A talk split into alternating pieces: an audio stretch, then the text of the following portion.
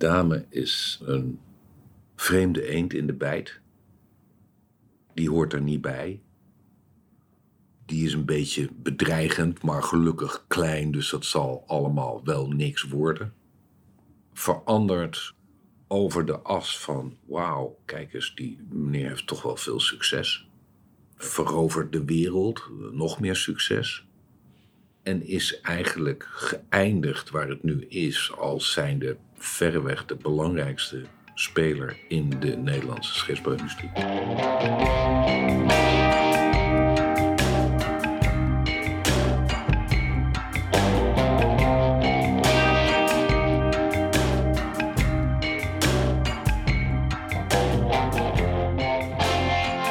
Je luistert naar Op Koers, een podcast van Dame. Over hoe een visionair idee uiteindelijk uitgroeit tot een van de grootste scheepsbouwers ter wereld. Mijn naam is Volker Tempelman en ik heb al jaren een grote fascinatie voor Nederlandse ondernemers, in binnen- en in buitenland. In deze podcast neem ik je mee in een bijzonder verhaal over tegenwind en doorzettingsvermogen, over durven en doen.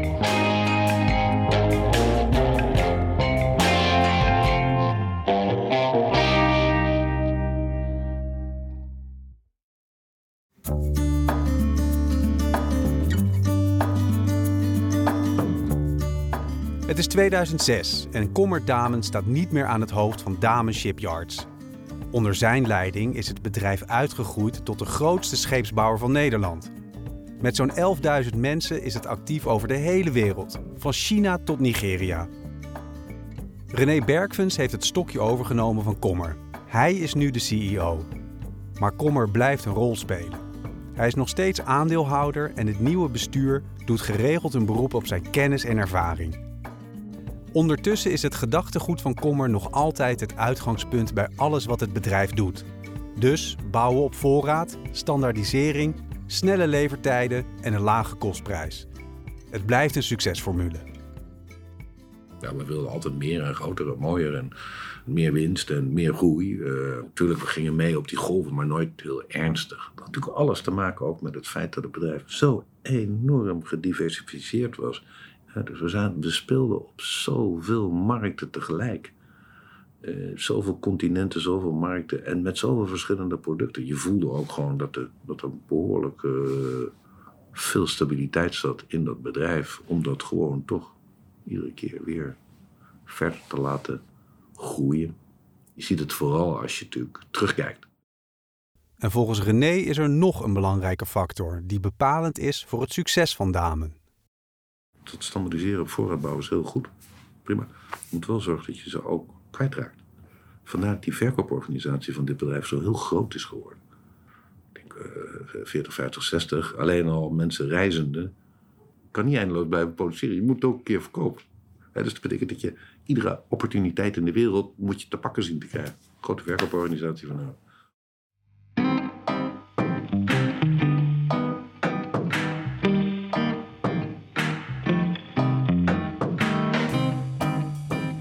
Ook zonder kommer blijft Damen ambitieus en aan de weg timmeren. Zo breidt het verder uit naar Azië, naar onder meer Vietnam.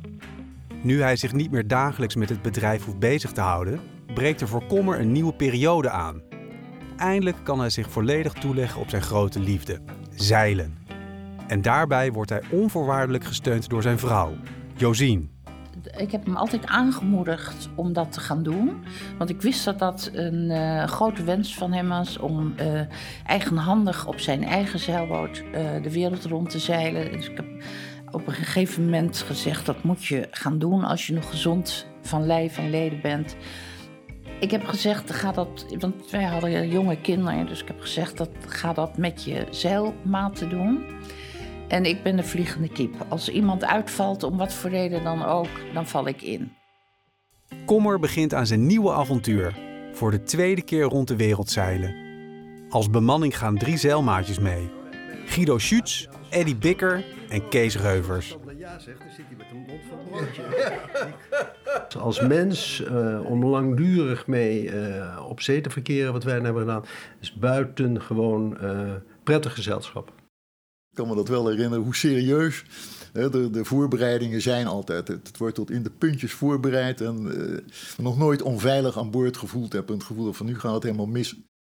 Wat ik wel uh, waardeer ook in Kommer is dat hij ook uh, de verantwoordelijkheid durft over te geven. Ik bedoel, toen ik net aan boord was... Kommer is ongetwijfeld de kapitein aan boord.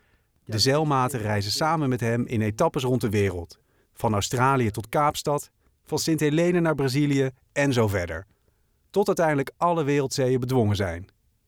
Maar wie denkt dat Kommer daarmee het bedrijf volledig achter zich laat, heeft het mis. Kijk, voor ons is het heel makkelijk. We, we, stappen aan boord, we, we laten uh, zeg maar alles uh, achter ons. Maar bij Kommer, zeker met die uh, huidige communicatiemiddelen, gaat het dus altijd door. wat, wat ik er altijd ook heel aardig vind, is dat hij op een gegeven moment, ja, dan heeft hij genoeg van het vasthouden van de telefoonhendel. Dus dan gaat het via een intercomsysteem op luidspreker door het hele schip heen. En kunnen wij meegenieten van uh, hoe je nou, of ja, vanaf een afstand, hoe je zo'n bedrijf uh, uh, bestuurt en wat er allemaal bij komt kijken. Hij maakte altijd onderweg foto's van concurrerende boten. Ja. sleepboten, loodsboten, marineboten. die worden dan door even de secretaresses allemaal achter elkaar gezet. En worden, heb ik begrepen, ook doorgesproken. Om te kijken of je daar ideeën van kan halen. Het is natuurlijk toch handig om bepaalde slimme dingen die anderen verzonnen hebben over te nemen. Zeker weten. Ja. En ook werven, als we ergens waren, ik noem eens vast een keer Namibië. Dan zit hij te kijken naar een werf die interessant zou zijn, of juist niet interessant zou zijn. Of, kortom, hij is wel voortdurend met het bedrijf bezig. We zochten altijd uh, werven als we de kans kregen. Of, of uh, gelieerde schepen, zoals daar, hè, een van onze laatste reizen naar Scandinavië. Maar ook in Finland, waar ze prachtige jachten bouwen, mooie zeilschepen. Ja, daar gingen we toch altijd eventjes kijken. Ja, top. Ja. dat vind ik, eh, vind ik echt een van de hoogtepunten van de reis telkens. Ja. Wat heeft dat contact ons leven verrijkt? Het is uh, in alle opzichten.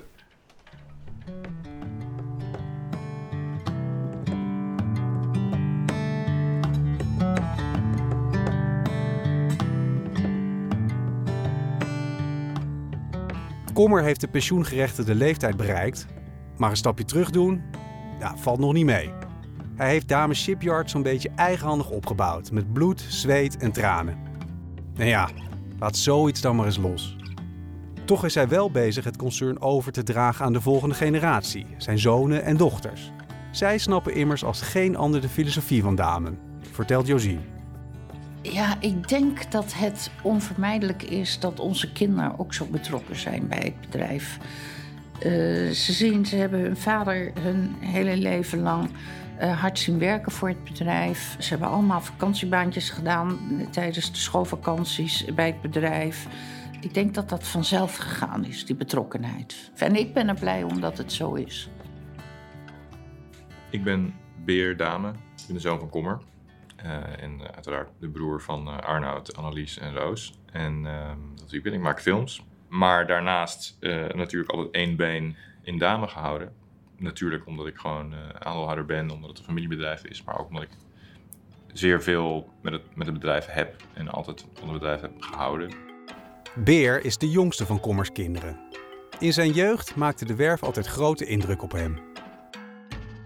Wat ik me herinner is dat ik gewoon ging skelten over het bedrijf op zondag, omdat er toen natuurlijk maar geen of beperkte bezetting was. Dus dan kon ik lekker vrij uitzagen lassers hier mij op een zondagmiddag uh, met een skelter uh, rondrijden. Wat ik als kind natuurlijk geweldig vond. En al heel snel is het natuurlijk een hele makkelijke, uh, ben je makkelijk onder de indruk van boten als kind. Ja, en toen, toen ik zeg maar, ik kreeg echt meer van doen met het bedrijf toen ik zeg maar tussen de 16 en de 18 was. Je bent onderdeel van een familiebedrijf en wat houdt dat precies allemaal in? En dat, dat, ja, dat komt dan langzaam, uh, wordt dan steeds duidelijker. En als je 18 wordt, uh, worden natuurlijk aandelen overgedragen en uh, word je onderdeel van een, in mijn geval, non-executive board interne motivatie is gewoon heel simpel. Is gewoon, ja, we, we, willen het bedrijf in de familie houden. En met z'n vijven kun je dat natuurlijk prima bespreken allemaal. Dat is natuurlijk ook wel het mooie van een familiebedrijf. Dus je hebt een soort gezamenlijke belang in ja, niet alleen de winst, maar ook gewoon de, de verre, verre toekomst van het bedrijf. Je hebt een langere visie. Is ook altijd alles ingericht. Waar ook altijd mensen, ook inderdaad commissarissen en ook mensen dicht bij ons die het beste voor hebben voor de familie en een lange termijnsvisie dragen. En ook met dat idee support geven.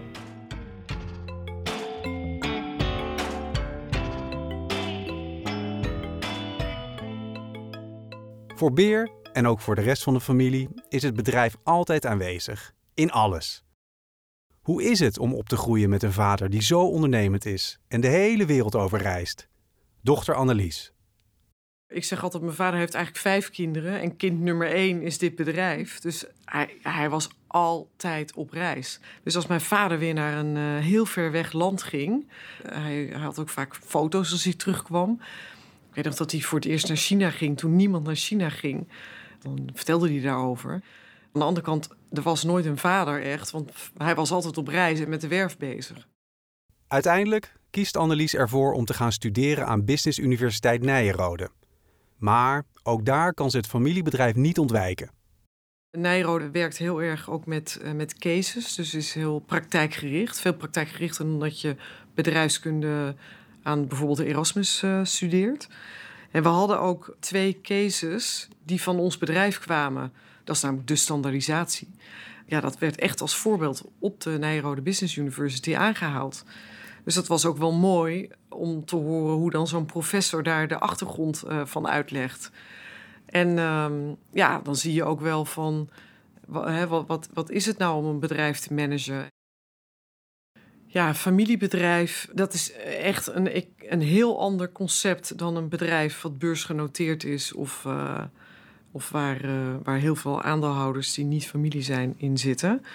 De lijnen zijn kort en uh, ja, het, het is een, denk ik een veel warmer bedrijf om voor te werken. We hebben best wel moeilijke jaren gehad. en dan, ja, dan is het ook wel heel aanwezig in je familie. Je kunt niet zeggen nou, ik heb even geen zin in de familie of ik, of ik ga even weg. Want ja, je hebt ook de verantwoordelijkheid. En wij zijn met vijf aandeelhouders.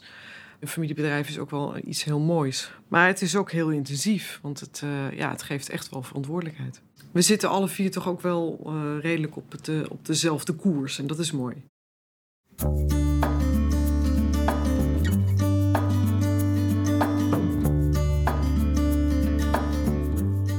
Annelies is al lange tijd nauw betrokken bij de bedrijfsvoering. In de vorige aflevering hoorde je hoe zij, na de overname van de Schelde, verantwoordelijk was voor de verkoop van het vastgoed. Tegenwoordig zit ze in de Raad van Commissarissen en houdt ze zich bezig met het ontwikkelen van interieurconcepten van de jachten die bij Dame Yachting worden gebouwd. Bij dit bedrijf staat Annelies jongere zus Roos aan het roer. Ook bij haar is het runnen van een bedrijf met de paplepel ingegoten klein was, ging ik dan uh, secretaresse spelen. Steno's leren, dat soort, uh, dat soort dingen. Of uh, op de werf kijken naar de bootjes. Heb ik ook diverse dingen gedaan. Ik heb bij de afdeling onderhoud gewerkt op de werf. Ja, een heel leuk team. Toen was ik nog de enige vrouw dan in de productie. Ja, ik werkte samen eigenlijk met een heel leuk team. We moesten van alles repareren. Dus moest lasapparaten repareren. Maar we gingen ook ja, lampen vervangen in de productiehal. Dus dan mocht ik in dat bakje omhoog. Op een gegeven moment was er ook iets kapot, geloof ik, in mijn vaders kantoor. Iets van zijn stoel of wat dan ook. Dus toen werd ik natuurlijk daarheen gestuurd om te repareren. Ja, eigenlijk van alles tot uh, leuke minder leuke dingen. Tot... Maar Roos is vanaf jonge leeftijd ook aandeelhouder. En dat brengt ook bepaalde verplichtingen met zich mee. Toen ik 14 was, was ik bijvoorbeeld denk ik voor het eerst bij een, uh, bij een algemene vergadering van aandeelhouders. En dan uh, mocht ik van tevoren eventjes langs bij de CFO. Was toen nog Mariette uh, Doornekamp. Ja, om eigenlijk te leren hoe nou een P&L of een balance sheet, een cashflow statement zeg maar in elkaar zat. Maar ik moet wel zeggen, het is altijd heel vrijblijvend geweest. Dus er is nooit, ik heb nooit druk ervaren of zo om een bijmaatje te doen of om iets te doen in het familiebedrijf. Dus altijd als ik er vroeg, dan werd er heel open over gesproken en heel veel over verteld.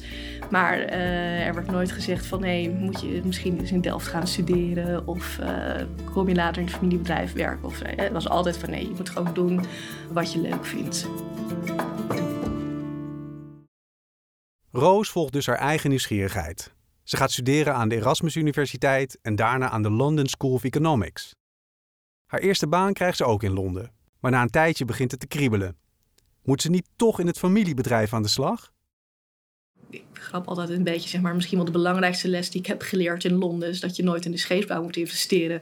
Je leert om niet te investeren in bedrijven met uh, grote risico's en die kapitaalintensief zijn. En toen heeft denk ik toch met name mijn nieuwsgierigheid het gewonnen. En dacht ik, ja, ik wil niet, uh, nou ja, ik weet niet, straks 50 zijn of zo. Me afvragen hoe het geweest zou zijn om in een familiebedrijf te werken. Dus ik wil daar één jaar een beetje ervaring op doen.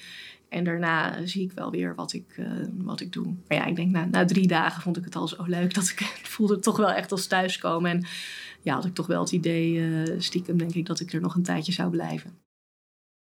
Uh, er zitten ook wel uitdagende kanten aan, zeg maar. Want het, ja, het loopt natuurlijk wel heel erg door elkaar heen. Ik ben, ik ben Roos, ik ben managing director van Dami Yachting. Ik ben, ik ben ook de dochter van, jongste dochter van Kommer. Dus dat loopt ook heel erg door elkaar heen. Waar Roos eerst nog aarzelde om aan de slag te gaan in de scheepsbouw, was dat voor Arnoud, de oudste zoon van Kommer, veel duidelijker. Ja, mijn naam is Arnoud Duimen en ik ben de CEO van Damen Shipyards. Nee, mijn vader die had altijd de, de, de, de goede traditie om uh, elk land waar hij vandaan kwam een handselkaart te sturen. Met altijd een verhaal over, over de schepen die hij aan het verkopen was. Ik was altijd wel bezig met schepen. Ik had ook posters van schepen op mijn kamer. Ook van concurrenten kwam ik later achter. Van grote zeeslepers van Smit. Dus ik was altijd wel bezig met boten. Ik deed later eens teruggevonden opstellen toen ik 9 à 10 was. Of onder over marineschepen of over sleeboten. Met technische details over het aantal pk's in een boot. Dat soort dingen. Was het eigenlijk wel duidelijk dat ik een maritieme opleiding ging doen. Arnoud studeert scheepsbouw in Delft. Na zijn studie zet hij zijn eigen maritiem mediabedrijf op. En dan, in 2008, vraagt Kommer zowel Arnoud als Annelies om toe te treden tot het bestuur.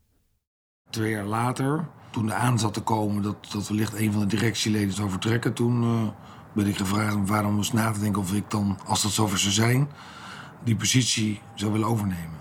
Een half jaar later was dat zover en toen heb ik ja gezegd. Toen ben ik begonnen als uh, COO, Chief Operating Officer. Arnoud begint op 1 december 2010. Hij wordt in Gorkum eindverantwoordelijk voor alle productontwikkeling, verkoop en scheepsbouw. Dus die is midden in het bedrijf gedropt. Mijn inwerktijd was ongeveer twee uur met de voorganger. Geen overlap gehad. Die was al weg. En uh, nou, succes ermee. Terwijl misschien achteraf voor de ervaring in dame het beter zou zijn geweest om door de rangen uh, omhoog te gaan. Ik, heb, ik kende wel veel mensen al, omdat ik al steeds vaker bij bedrijven rondliep. Mijn eigen organisatie ook altijd in de maritieme sector was, dus ik kwam op dezelfde beurzen. Uh, ik ging af en toe als een keer mee op reis. Of met pa, of, of mijn werf kijken. Dus eigenlijk de meeste mensen die mij rapporteerden, die kende ik al.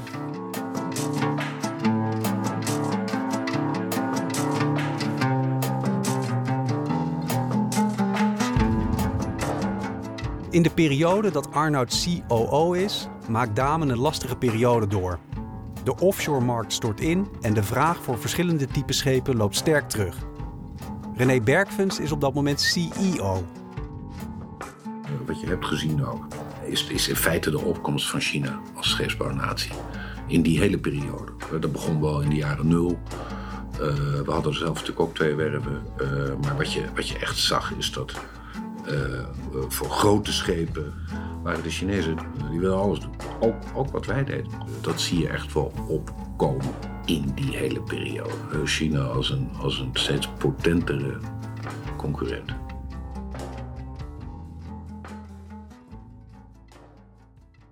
Damen heeft natuurlijk altijd concurrentie gehad, maar in 2018 leidt Damen voor het eerst in 15 jaar verlies.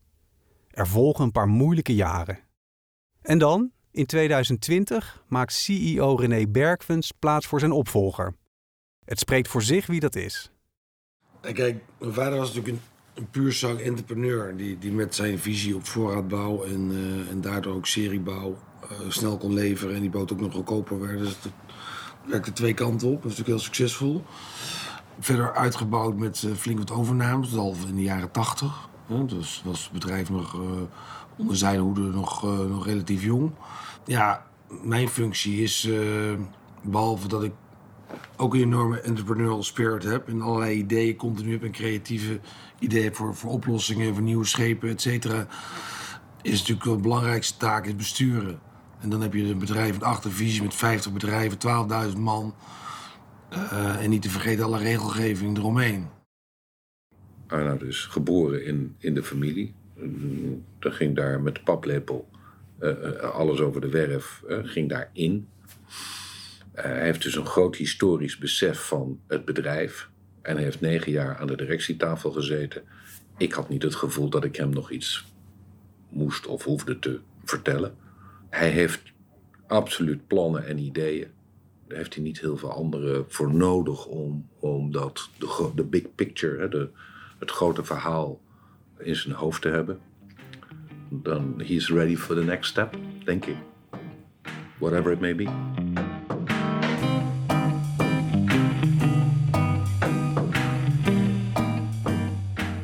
Ik zie overal mogelijkheden. Ik ben een enorme eh, optimist.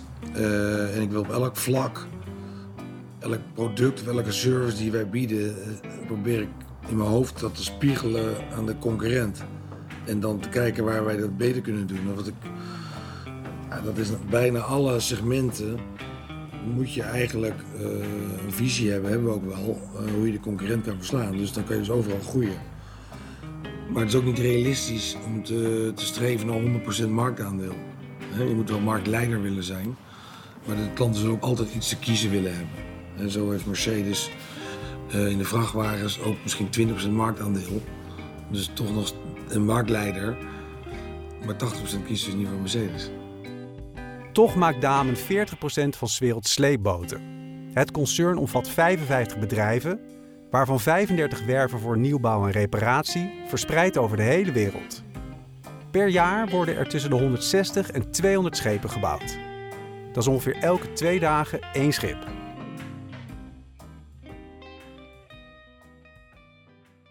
Zo'n 50 jaar geleden had Kommer een uitgesproken visie van waaruit nu dit wereldwijde concern is ontstaan.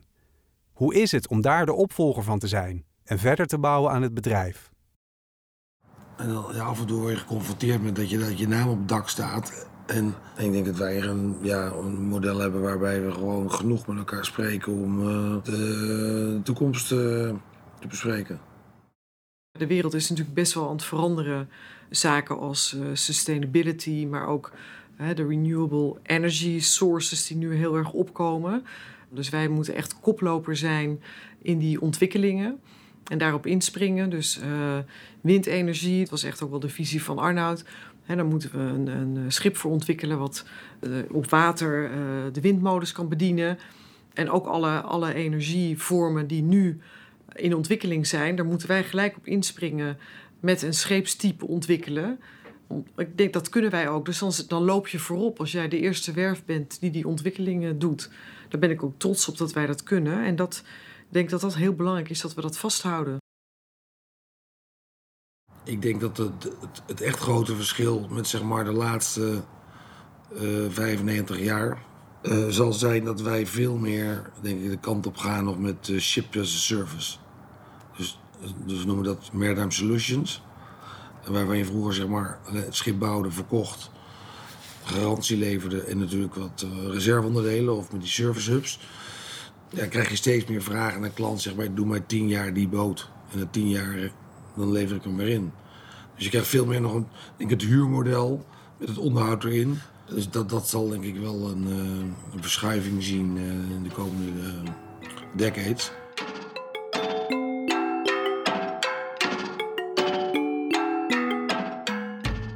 Nou, kijk, Arnold is wel.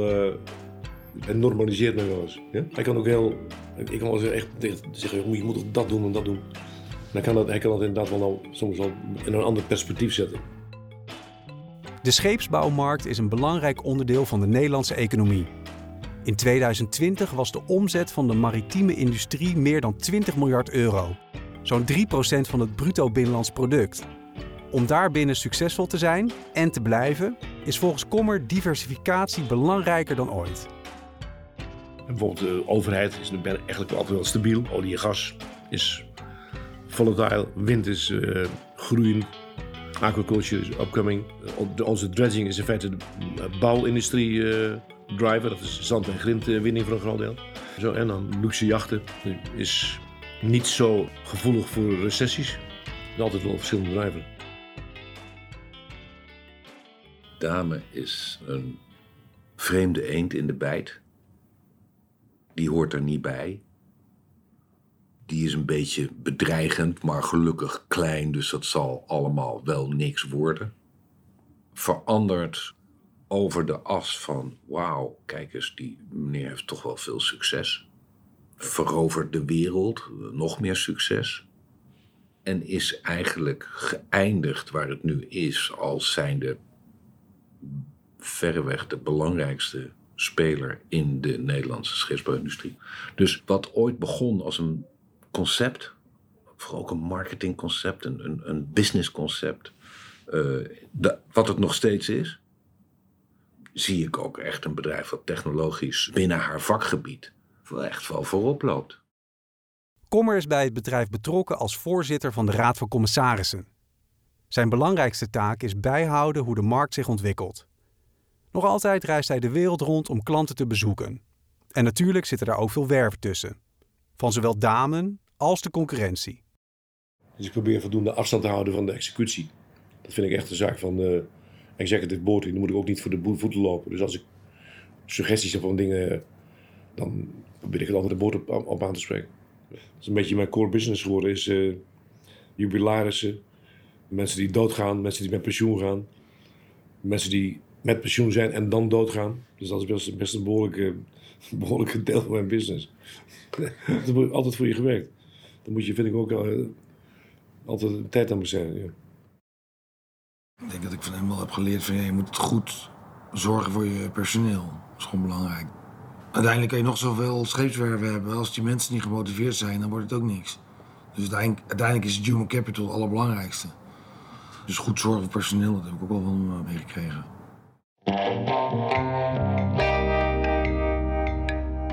Volgens maritiem historicus Joke Korteweg is Kommer Damen altijd de scheepsbouwer geweest die buiten de lijntjes kon denken. Zo gaf hij een totaal andere invulling aan het begrip scheepsbouw. Je moet het durven. En zelf zegt hij dat hij nog steeds rondspeurt naar een kleine nieuwe kommerdame die aan zijn stoelpoten gaat zagen. En de kans is er, en dat hij rondloopt is er ook. Maar het is inderdaad merkwaardig dat het nog niet gebeurd is. Niet op deze schaal in ieder geval. Nog steeds is hij fulltime aan het werk. Uh, gaat elke dag vroeg naar kantoor en komt s'avonds laat thuis. Is gewoon nog hard aan het werk. Hoewel hij het goed over kan laten aan de volgende generatie. Dat heeft even uh, tijd gekost voor hem ook om daaraan te wennen. Maar zijn dynamiek is nog steeds groot en zijn drive. Hij heeft mij ooit gezegd van ik kan niet uh, thuis gaan zitten terwijl tien minuten verderop het bedrijf staat. Hij zegt dan moet ik, wil ik toch weten hoe het daar gaat, hoe het loopt. Het hele bedrijf, de werven, de werf, dat is zijn kind. Dat is ja, ik zeg niet zijn belangrijkste kind, want ik hoop dat we allemaal even belangrijk zijn. Maar hij zou echt onthand zijn. Kijk, we proberen wel, want wij zijn de volgende generatie met mijn broer Arnoud aan het roer. Ja, die moet wel die ruimte hebben om dat te doen. Dus, maar dat gaat heel langzaam. Dat is heel moeilijk, denk ik, voor mijn vader om los te laten. En hij is natuurlijk wel toch een grote naam in de, in de wereld van scheepsbouw. Uh, dus ja, nee, thuis zitten, dat gaat hij echt nooit doen.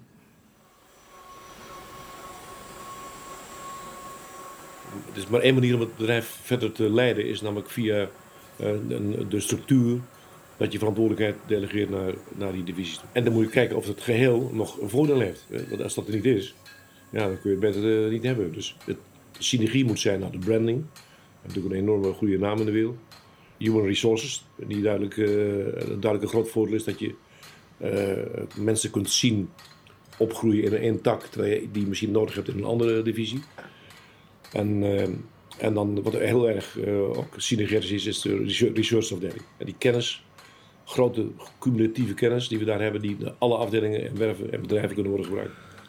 Dus ja, en nu, uh, hoe gaat het verder? Nou ja, ik ga natuurlijk een keer dood en dan moeten die kinderen dat verder zien te doen. ja, dat zal best wel goed gaan, denk ik. Hoe bouw je een bedrijf met één werf en zes werknemers uit tot een wereldwijd concern? Dat bestaat uit 35 werven, dat miljarden omzet genereert en duizenden werknemers heeft. En hoe zorg je voor een soepele overdracht aan de volgende generatie? Familiebedrijven hebben grote kracht vaak, maar je ziet het ook door de generaties heen op een bepaalde manier zich ontwikkelen. En vaak wordt er gezegd, uh, de eerste generatie die uh, gaat de grote ontwikkeling doormaken. De zonen, als ze geschikt zijn, hè, er zijn ook bedrijven die kiezen ervoor om juist helemaal niet de zoon te laten opvolgen. Maar als er een opvolger komt, moet hij wel in de grote voetsporen van zijn vader treden. Dat is interessant, want dat valt waarschijnlijk niet mee om dat te doen. En de derde generatie, daar raakt het bedrijf meestal buiten beeld. Die verdwijnen in andere sectoren of die verkwanselen de hele boel. Dus daarmee zit eigenlijk in een interessante fase. Want waar Commodame begon met een kleine werf. Die, ja, hij, hij kon alle kanten op, maar er waren ook geen verwachtingen van hem is zijn opvolger natuurlijk in een voetspoor en in een bedrijf getreden, wat enorm groot is, wat hij eigenlijk zo moet houden. Maar de bedrijfsfilosofie wordt vastgehouden. En historisch gezien denk ik dat dat een hele goede is. Hoewel het ook merkwaardig is. Iets wat in de jaren 60 werkte, blijkt dus anno 2023 nog steeds heel erg actueel te zijn. En nog steeds helemaal niet gedateerd te zijn. En daar moet je eigenlijk ook eens over nadenken. Van, is dat echt zo? Werkt dat in onze tijd nog steeds? Arnoud wil vooral het Chips as a Service onderdeel verder uitbouwen. Hij blijft trouw aan de bedrijfsfilosofie, maar zorgt er wel voor dat het aanbod steeds wordt aangepast en aansluit bij de behoeftes vanuit de markt. Precies zoals zijn vader deed. Ja, ik denk dat wij best wel op één lijn zitten. Uh, dus dat is fijn. En ja, we hebben echt uitgesproken naar elkaar dat wij het uh, familiebedrijf willen houden. Dus wij willen echt doorgaan met dat het ons familiebedrijf blijft. Dus ook dat we het doorgaan geven aan de volgende generaties. Ja, de vraag is of het zo blijft. Uh, gaat er, komt er nog een generatie hierna? Ik vind moeilijk te zeggen. Gaan maandag met Stijn eten, dat is de oudste zoon van uh, ga ik eens met hem over hebben.